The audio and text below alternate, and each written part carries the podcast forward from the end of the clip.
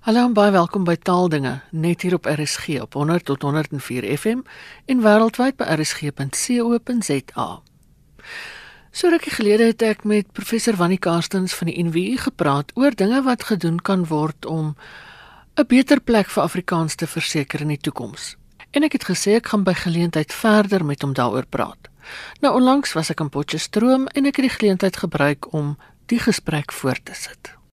Ina, dankie vir die geleentheid om weer te kan praat oor 'n heel interessante onderwerp en daar's nog 'n belangstelling as 'n mens kyk na die reaksies.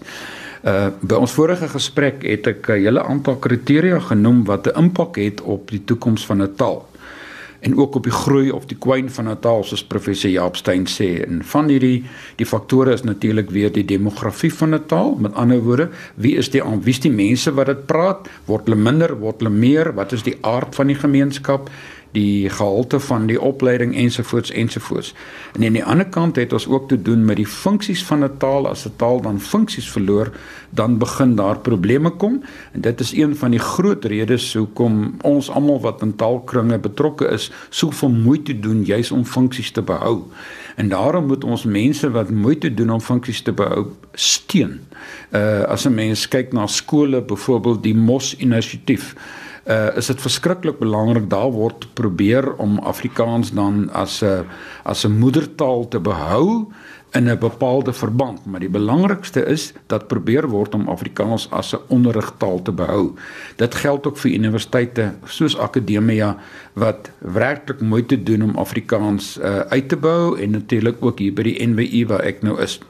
So dis funksies en en mense by by media instansies wat konstant aanhou om te publiseer in die taal. So ons moet weet as ons funksies begin verloor het ons moontlikheid. Mense wat dus moeite doen om funksies te behou, moet gesteun word.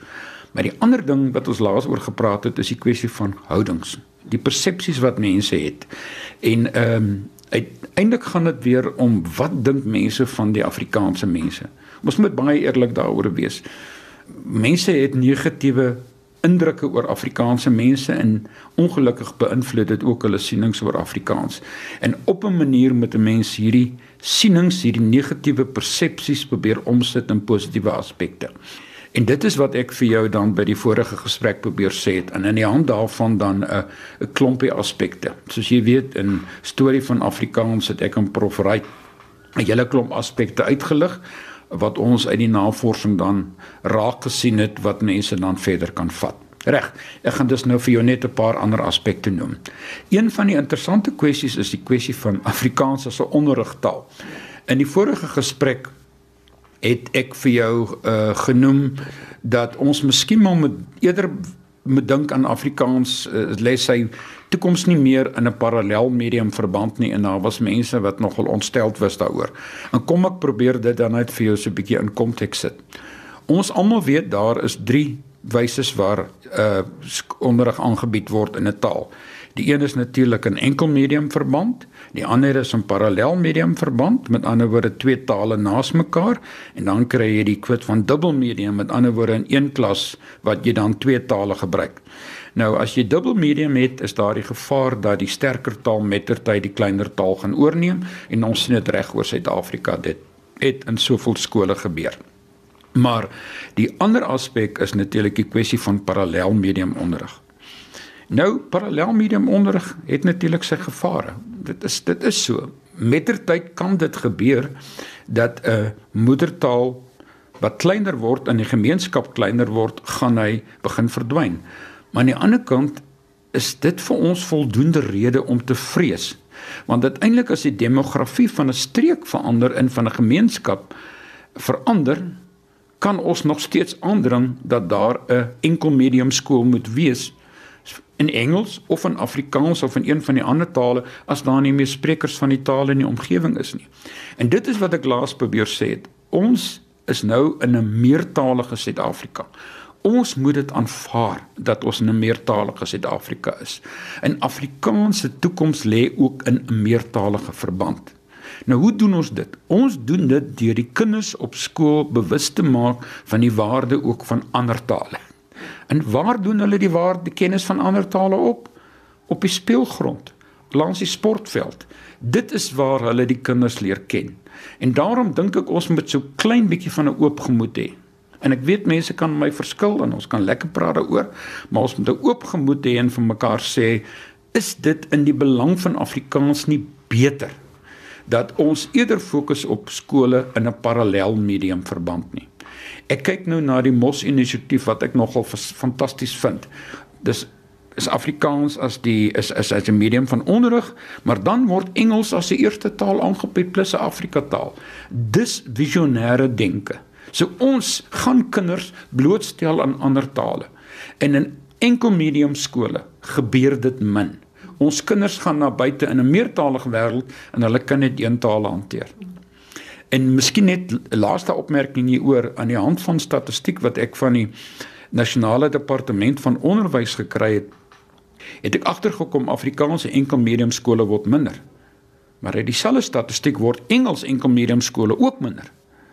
En nou sal mense sê maar dit is uiters vreemd. Dit gebeur wel en dan probeer ek kyk hoekom is die rede? En toe kom ek agter uit die data dit is ook 'n toename in parallelmedium skole. So dis Engels saam met Afrikaans, Engels saam met Zulu. En dit lyk my daar is dis 'n dis nie ek sal per se bestuurde proses is 'n natuurlike proses dat daar 'n parallel medium konteks begin ontwikkel sodat ons die volgende geslag gereed maak vir 'n meertalige gemeenskap. En dit is wat ek probeer sê het. So moet my nie kwaliek neem nie. Ek beweeg nie weg van Afrikaans as onderrigtaal nie. Ek wil net hê dat ons met 'n oop gemoed kyk na ons konteks. Dit is belangrik. Ek hoop dis nou duidelik. Nou as mense sê ja maar dis my reg en die grondwet beskerm my regte om sekere goed in Afrikaans te doen. Wat dan? Wat sê mense dan? Dan is dit natuurlik jou reg, maar natuurlik die grondwet is ook so en dit sê uh, Prof Theo Du Plessis altyd ook vir my, hy sê maar onthou dis 'n gekwalifiseerde reg. En natuurlik ons ons moet onthou dat ons weer in die meertalige land is. Ek wil graag in my kinders en kleinkinders onderrig hê in die taal van hulle keuse. Maar die vraag is nou uh gaan ek dit altyd reg kry? En ons moet weet ons moet nie staat maak op die staat nie die staat het ons letterlik in die steek gelaat ook in terme van tale. So jy kan aandring op jou taal, maar dan moet jy weet, dan moet jy vir jouself vra is dit redeliker haalbaar in die konteks. As ek nou byvoorbeeld kyk na die Afrikaanse universiteite wat die afgelope 4, 5 jaar redelik grondig nou nie meer Afrikaanse universiteite is waar Engels die dominante taal word. Dan is die vraag, het ons nog 5 Afrikaanse universiteite nodig? Het ons nie dalk net een of twee nodig wat nog vir ons Afrikaanse opsies gee nie. Dan kan ons dit mos doen. En as dit dan 'n private universiteit soos Akademia kom, dan word jy op 'n manier daar gehelp. Maar die belangrikste is as ek op my grondwetlike regte aandring, dan moet ander mense dit ook doen. En die strategie is dat ek dit nie net vir Afrikaans moet doen nie, dat ek 'n vennootskap met ander taalgemeenskappe moet doen. Dan dring ons as meertalige gemeenskap in Suid-Afrika aan op die behoud van ons taalregte, dan het ons 'n sterker argument. So dis 'n morele argument. En dis dis nogal moeilik. Ek sê baie keer vir mense jy het die reg om jou taal gebruik. En hou aan. Maar moet hom net nie so gebruik dat jy ander mense van jou taal vervreem nie. Hoe moedig 'n mens dan die ander tale, die ander spreek van ander tale aan om op daai regte aan te dra? Ina, dis ook weer 'n moeilike een want dit eintlik hang dit van taalgemeenskappe af. Uh elke taalgemeenskap het 'n houding teenoor die taal wat hulle gebruik. Uh ek het 'n paar jaar gelede 'n lesing gegee op 'n plek waar ek passievol verduidelik het oor die totstandkoming van die Afrikaanse Taalraad en die proses waardeur ons gevolg het. En aan die einde van die lesing het iemand opgestaan en vir my gesê, "Maar hoe kry julle mense dit reg, julle Afrikaanse mense, uh om om dit te doen?" En toe het ek gesê, "Wel, is heel eenvoudig." Ons is lief vir ons taal, ons het passie oor ons taal en ons glo in ons taal. En ek dink dit is die kriteria wat miskien vir die ander taalgemeenskappe moet kom. Ek kan nie vir hulle sê wat om te doen nie.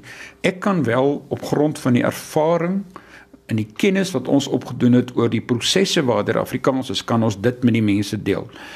En uh ek hoop as iemand sê maar uit die Tswana gemeenskap na my kom en hy of sy wil aktief betrokke raak by die bevordering van die taal van Tswana, dan kan ek raad gee oor die passie, hoe jy jou passie kanaliseer in die regte rigting deur publikasies, deur aktivisme. Want uiteindelik is Afrikaans en dit is Afrikaans so 'n besondere taal. Afrikaans het deur 'n uh, politieke proses skade gelei, maar aan die ander kant het Afrikaans se mense ook begin sê, maar ons druk ons uniek in hierdie taal uit en daarom wil ons hom tot op die hoogste moontlike vlak bevorder hê. Maar dis iets wat elke taalgemeenskap moet doen. Nou wat vir my fantasties is, ek kyk na die werk van die Afrikaanse Taalraad en ook al die ander uh, uh, mense, ander uh, organisasies. Daar's al hoe meer vennootskappe. Ek kyk Afrikaanse Taalraad werk saam met hulle te genootskap Kossa Afrika en hulle te meertaligheidsforum.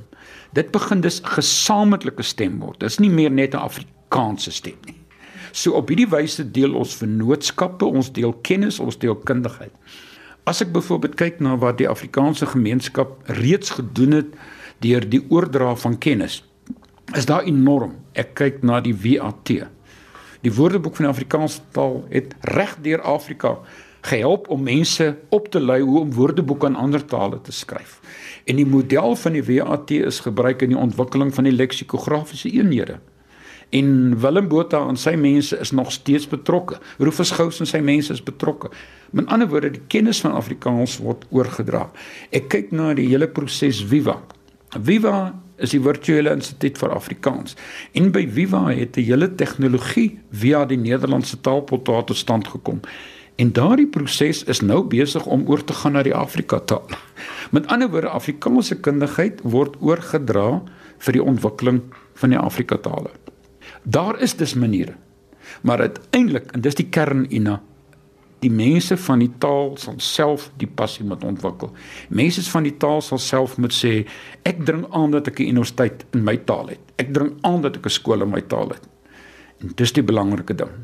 En daar gee ek advies, maar ek kan dit nie namens hulle doen nie. Net een laaste voorbeeld, 'n boek wat uh uh ek en professor Chris van der Pool in 2010 gedoen het, is sedertdien in Engels verwerk maar hy het in 2010 of 2016 reeds in Sesotho ook verskyn. Met ander woorde, Afrikaanse kundigheid is ingespan om 'n ooreenstemmende boek in Swana in, in Sesotho te ontwikkel. En daaruit volg nou navorsing vir die standaardisering van die taal. Die manuskrip vir Zulu is pas voltooi. So hy gaan binnekort verskyn.